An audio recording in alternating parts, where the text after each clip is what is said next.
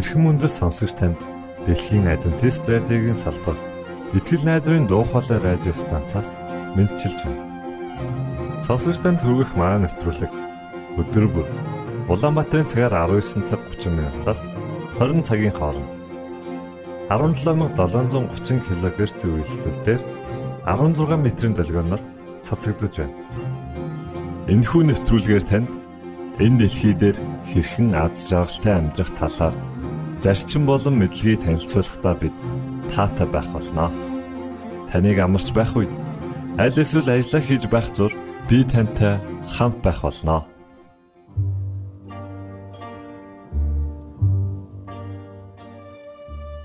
Өнөөдрийн хөтөлбөр боловсрал нэвтрүүлгийн түүхэн хүмүүс зурлаар эхлэх болно. За харин үүний дараа Таны нэр мөнхөд ариун дуг танд төлөвлөж байна. Үргэлжлүүлээд Есүсийн амьдрал хэмээх гайхалтай номыг танд аудио хэлбэрээр хүргэж буйлаа. Ингээд та нэвтрүүлгүүдэд хүлээн авна уу?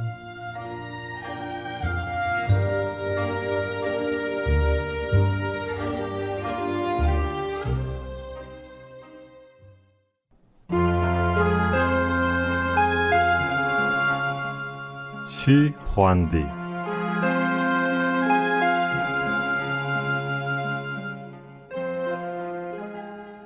Бүх хэттийг нэгтгэсэн дарангуйлагч хаан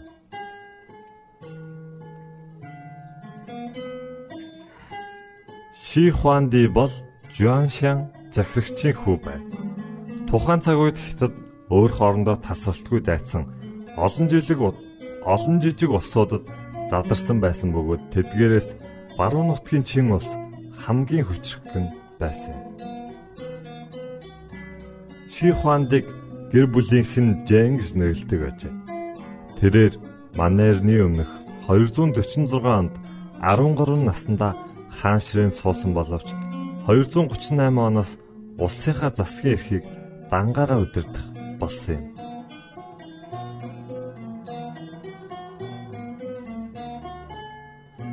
Манерны өмнөх 228-аас 21 оны хооронд тэрээр цус дайныг явуулж улсынхаа газар нутгийг тэлв. Мөн өнгөрсөн үеэсээ бүр мөсөн салахын тулд тэрээр Ши Хуан Ди буюу Европоор Цезар гэсэн үгтэй утга нэг нэрээр өөрийгөө өргөмжлөлөө.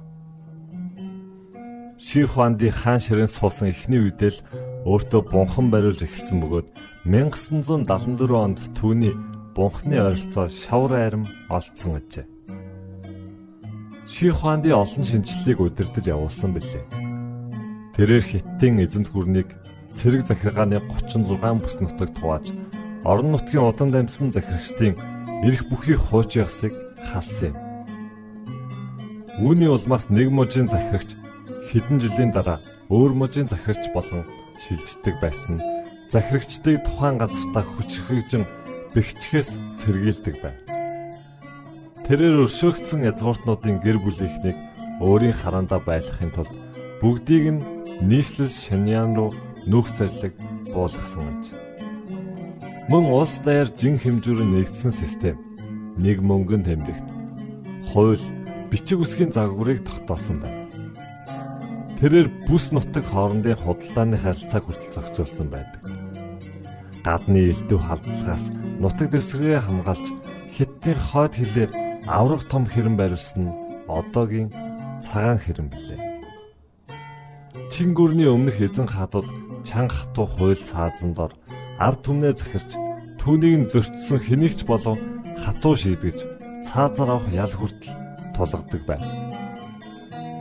Удирдлагын энэхүү арга нь күнзийн сургаалтай зөрчилдөж байсан юм.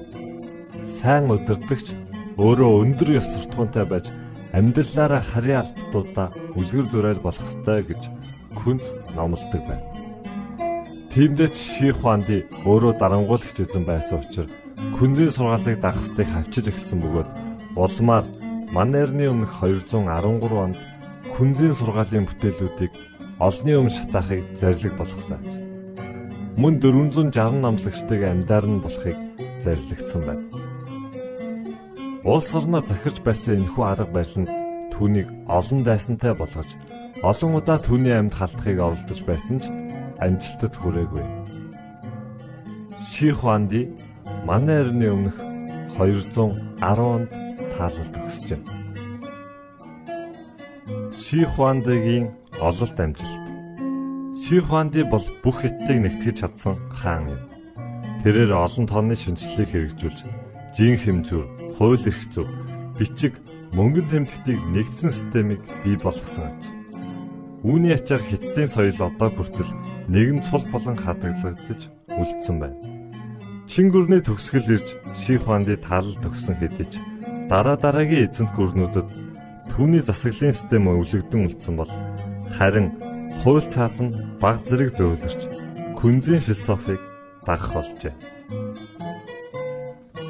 Мөн тэрээр шавар армийн бунханг бариулсан байна. Энэ нь том багаараа амьд хүний хэмжээтэй шатаасан шавар бүхий хааны жинхэнэ цэргүүдийг дуурайлан хийсэн 7000 гаруй цэрэг эрс болон мордын хөшөө юм. Уг хөшөөг бүтээгчид хийсэн бүтээлүүд болгондоо өөрсдийн тамгаа үлдээснээр тэдний нэр өнөө үед хадгалагдаж үлдсэн байна шавар армиг хааныгаа хамгаалах зорилттой бүтээгдсэн байх гэж таамагладаг бөгөөд бунхныг 1974 онд санамсаргүйгээр нээжээ. Сонсогч танд боловсрал нэвтрүүлгээс бэлтгэн хүргэдэг түүхэн хүмүүс цувралын шин дугаарыг хүргэлээ. Дараагийн дугаараар уулзлаа. Түр баярлалаа.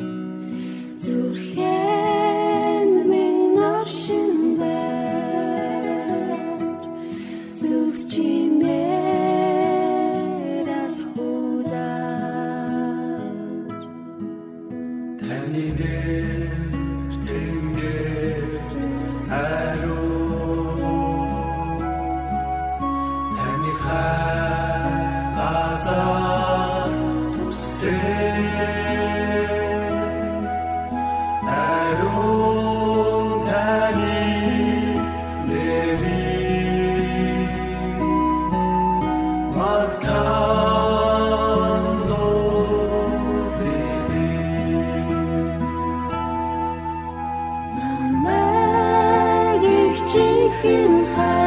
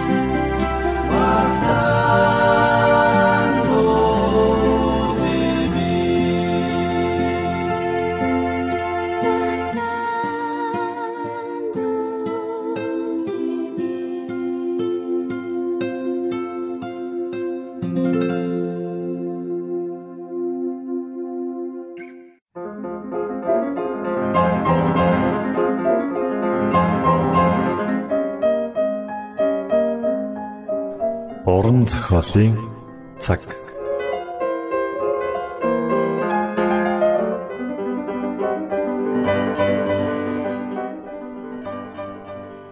Йосеф Мари хоёр хүү Есүсээ хууль заасан ёсоор тахилчид авчирлаа. Эцэг эхчүүд хүүхдүүдээ өдөр бүр дуганд аваачдаг байсан. Сүмийн тахилч Йосеф Мари хоёрыг бусад эцэг эхчүүдээс ялгахгүйгээр харьцаж байв. Учир нь тэр хоёр бусдын адил эгэл жирийн хүмүүс байлаа. Тахилч бяцхан Есүсийг ч бусад нэлэх хүүхдүүдийн адил гэж бодож байсан. Тэрээр Тэнгэрийн ариун сүмийн тэргүүн тахилч бөгөөд энэ дэлхийн аварчийг тэрвэрч байгаагаа анзаараагүй. Хэрв тэр бурхны үгийг дагаж байсан бол эзэн энэ бүхнийг заан сургаж хэнийг гар дээрээ өргөж байгааг нь мэдрүүлэх байв. Энэ үед бурхны үнэн ч үйлчлэгчд болох Симеон Ана нар сүмд байлаа. Тэр хоёр бурханд өтөл болтлоо үйлчлээ ирсэн билээ. Бурхан бардам ихэмсэг хуваа хичээх сүмийн тахилчид үзүүлээгүй зүйлсээ тэр хоёр настанд харуулсан. Бурхан Симеонд энэ дэлхийн аврагчийг харах хүртэл чи нүд анихгүй гэж амласан гэжээ. Тэрээр Есүсийг харангуйта энэ бол амлагдсан нэгэн хэмээн таньжээ. Диважингийн зөөлөн гэрэл Есүсийн царайг гэрэлтүүлж байлаа. Сима хүүг тэрэн бурхан талархал өргөв. Тэрээр Эзэн та өөрийн үгийн дагуу боол намаагаа амар тайван явуултах бай. Учир нь миний нүд таны авралыг харлаа. Та үүнийг бүх ард түмний өмнө бэлдсэн билээ. Энэ нь харь өмсдөнд илчлэлийн гэрэл таны ард түмэн болох Израилийн алдар нь болоо гэж хэлв. Анна бол иш үзүүлэгч эмэгтэй. Энэ мөчөд Анна хурж ирээд бурхан талархал өргөн Иерусалимын золилтыг хүлээж байсан бүхэнд Түүний тухай үргэлжлүүлэн ирэв. Бурхан даруй төлөв хүмүүсийг өөрийн гэрч болгон сонгодог. Бурхан энэ дэлхийн хувьд агуу тооцогддог бүхнийг үл ойшилдог гэж. Учир нь тэд Бурханыг үл хүндэтгэн түүний үйлчлэлийн талаар боддгүй ягаад зөвхөн өөрсдийнхөө төлөө л үйлчилж өөрсдийгөө өргөмжилдэг. Иймээс Бурхан тэднийг өөрийн хайр өршөөлийн талаар бусдад хэлүүлэхээр сонгох боломжгүй болсон. Есүсийн эх Мария Симоны иш үзүүлэн зөгнснийг тунгаамдсаар байв. Мария бяцхан хүүгээ хараад Бэтлехемийн хончтын хэлсэн үгсийг санан баяр хөөр итгэл найдвараар дүүрсэн. Симеоны хэлсэн үгс иш үзүүлэгч Исаягийн зөгнөлийг Мариад сануулжээ. Эдгээр зөгнөлийн гайхалтай үгс Есүсийг зөгнөснийг ойлгов. Учир нь бидний төлөө хүүхэд төрж бидэнд хөө өгөгдөнө. Засаглал түүний мөрөн дээр байх болно.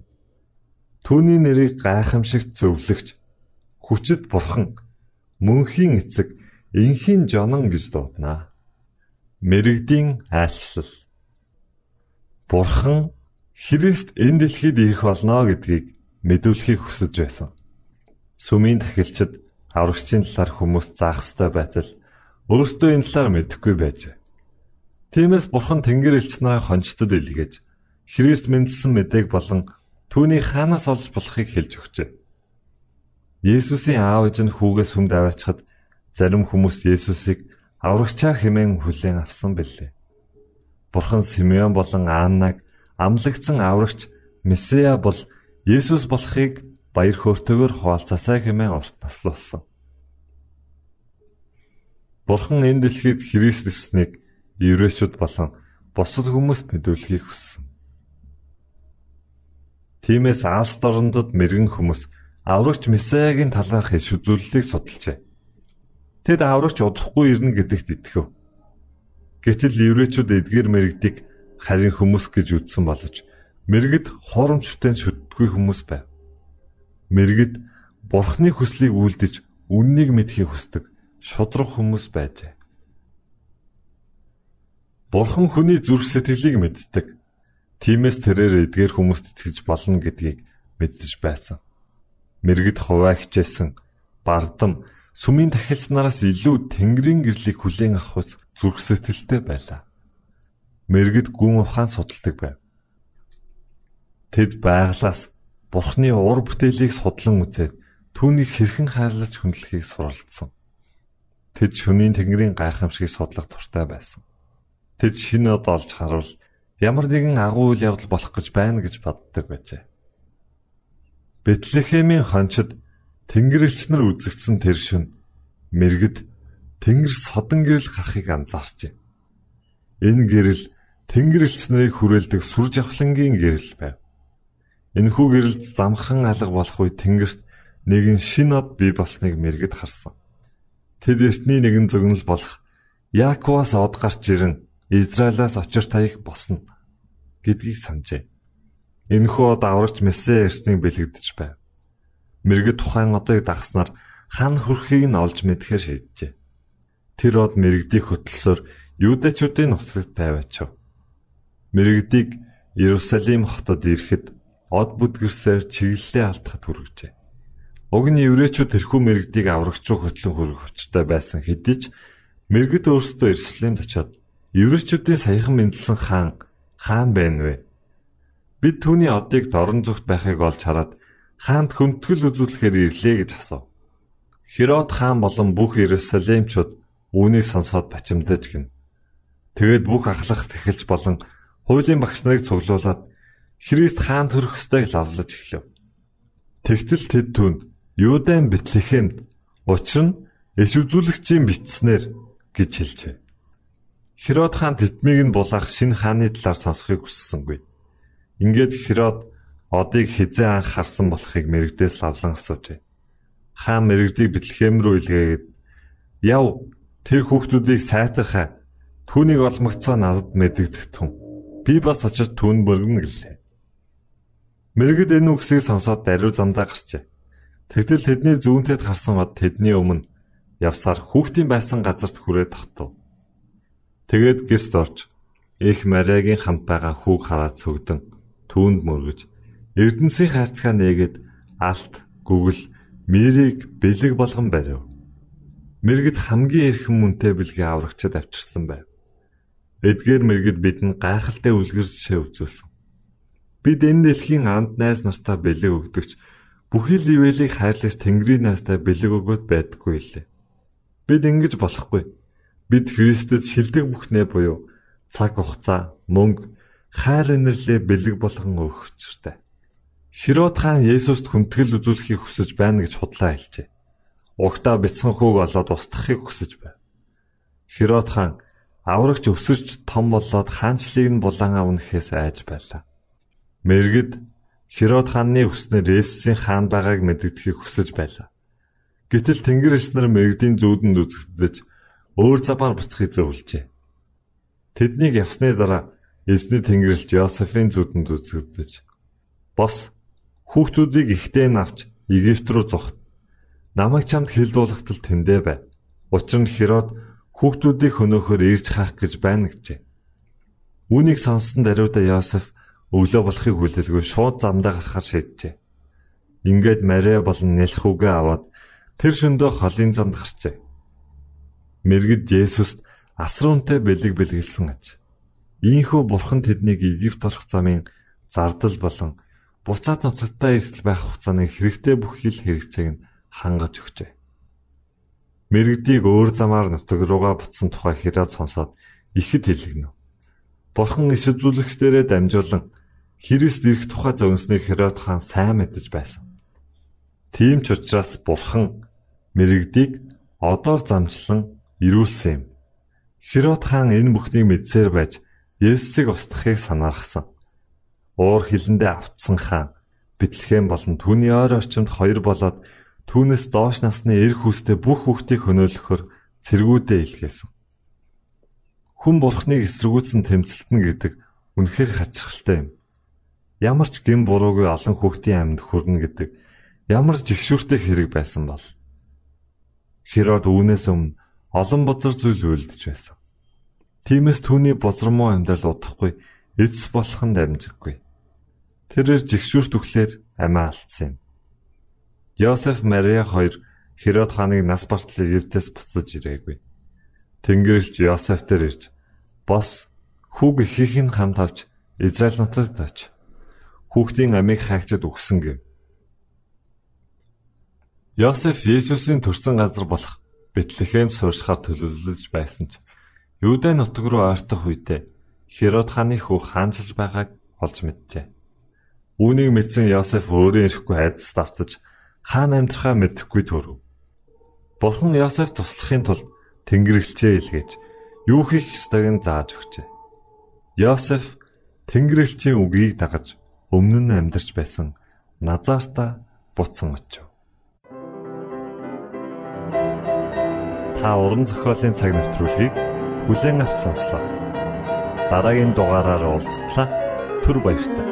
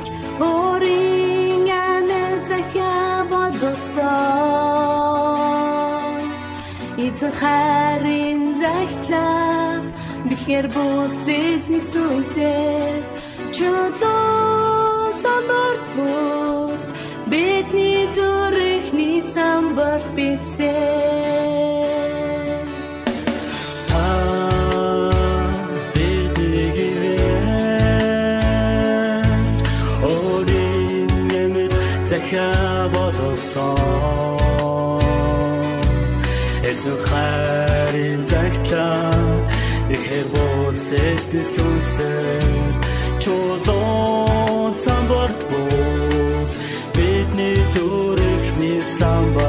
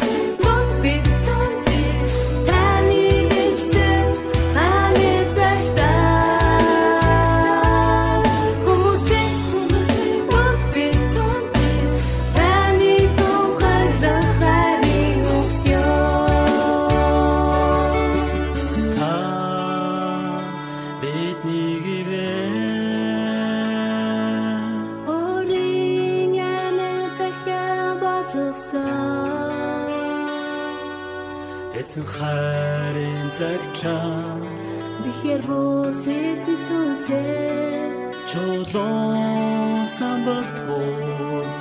Бидний зүрхний самбарт эцээ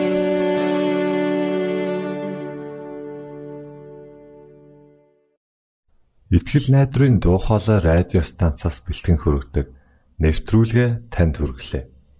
Хэрв та энэ өдрийн нэвтрүүлгийг сонсож амжаагүй аль эсвэл дахин сонсохыг хүсвэл бидэнтэй дараах хаягаар холбогдорой.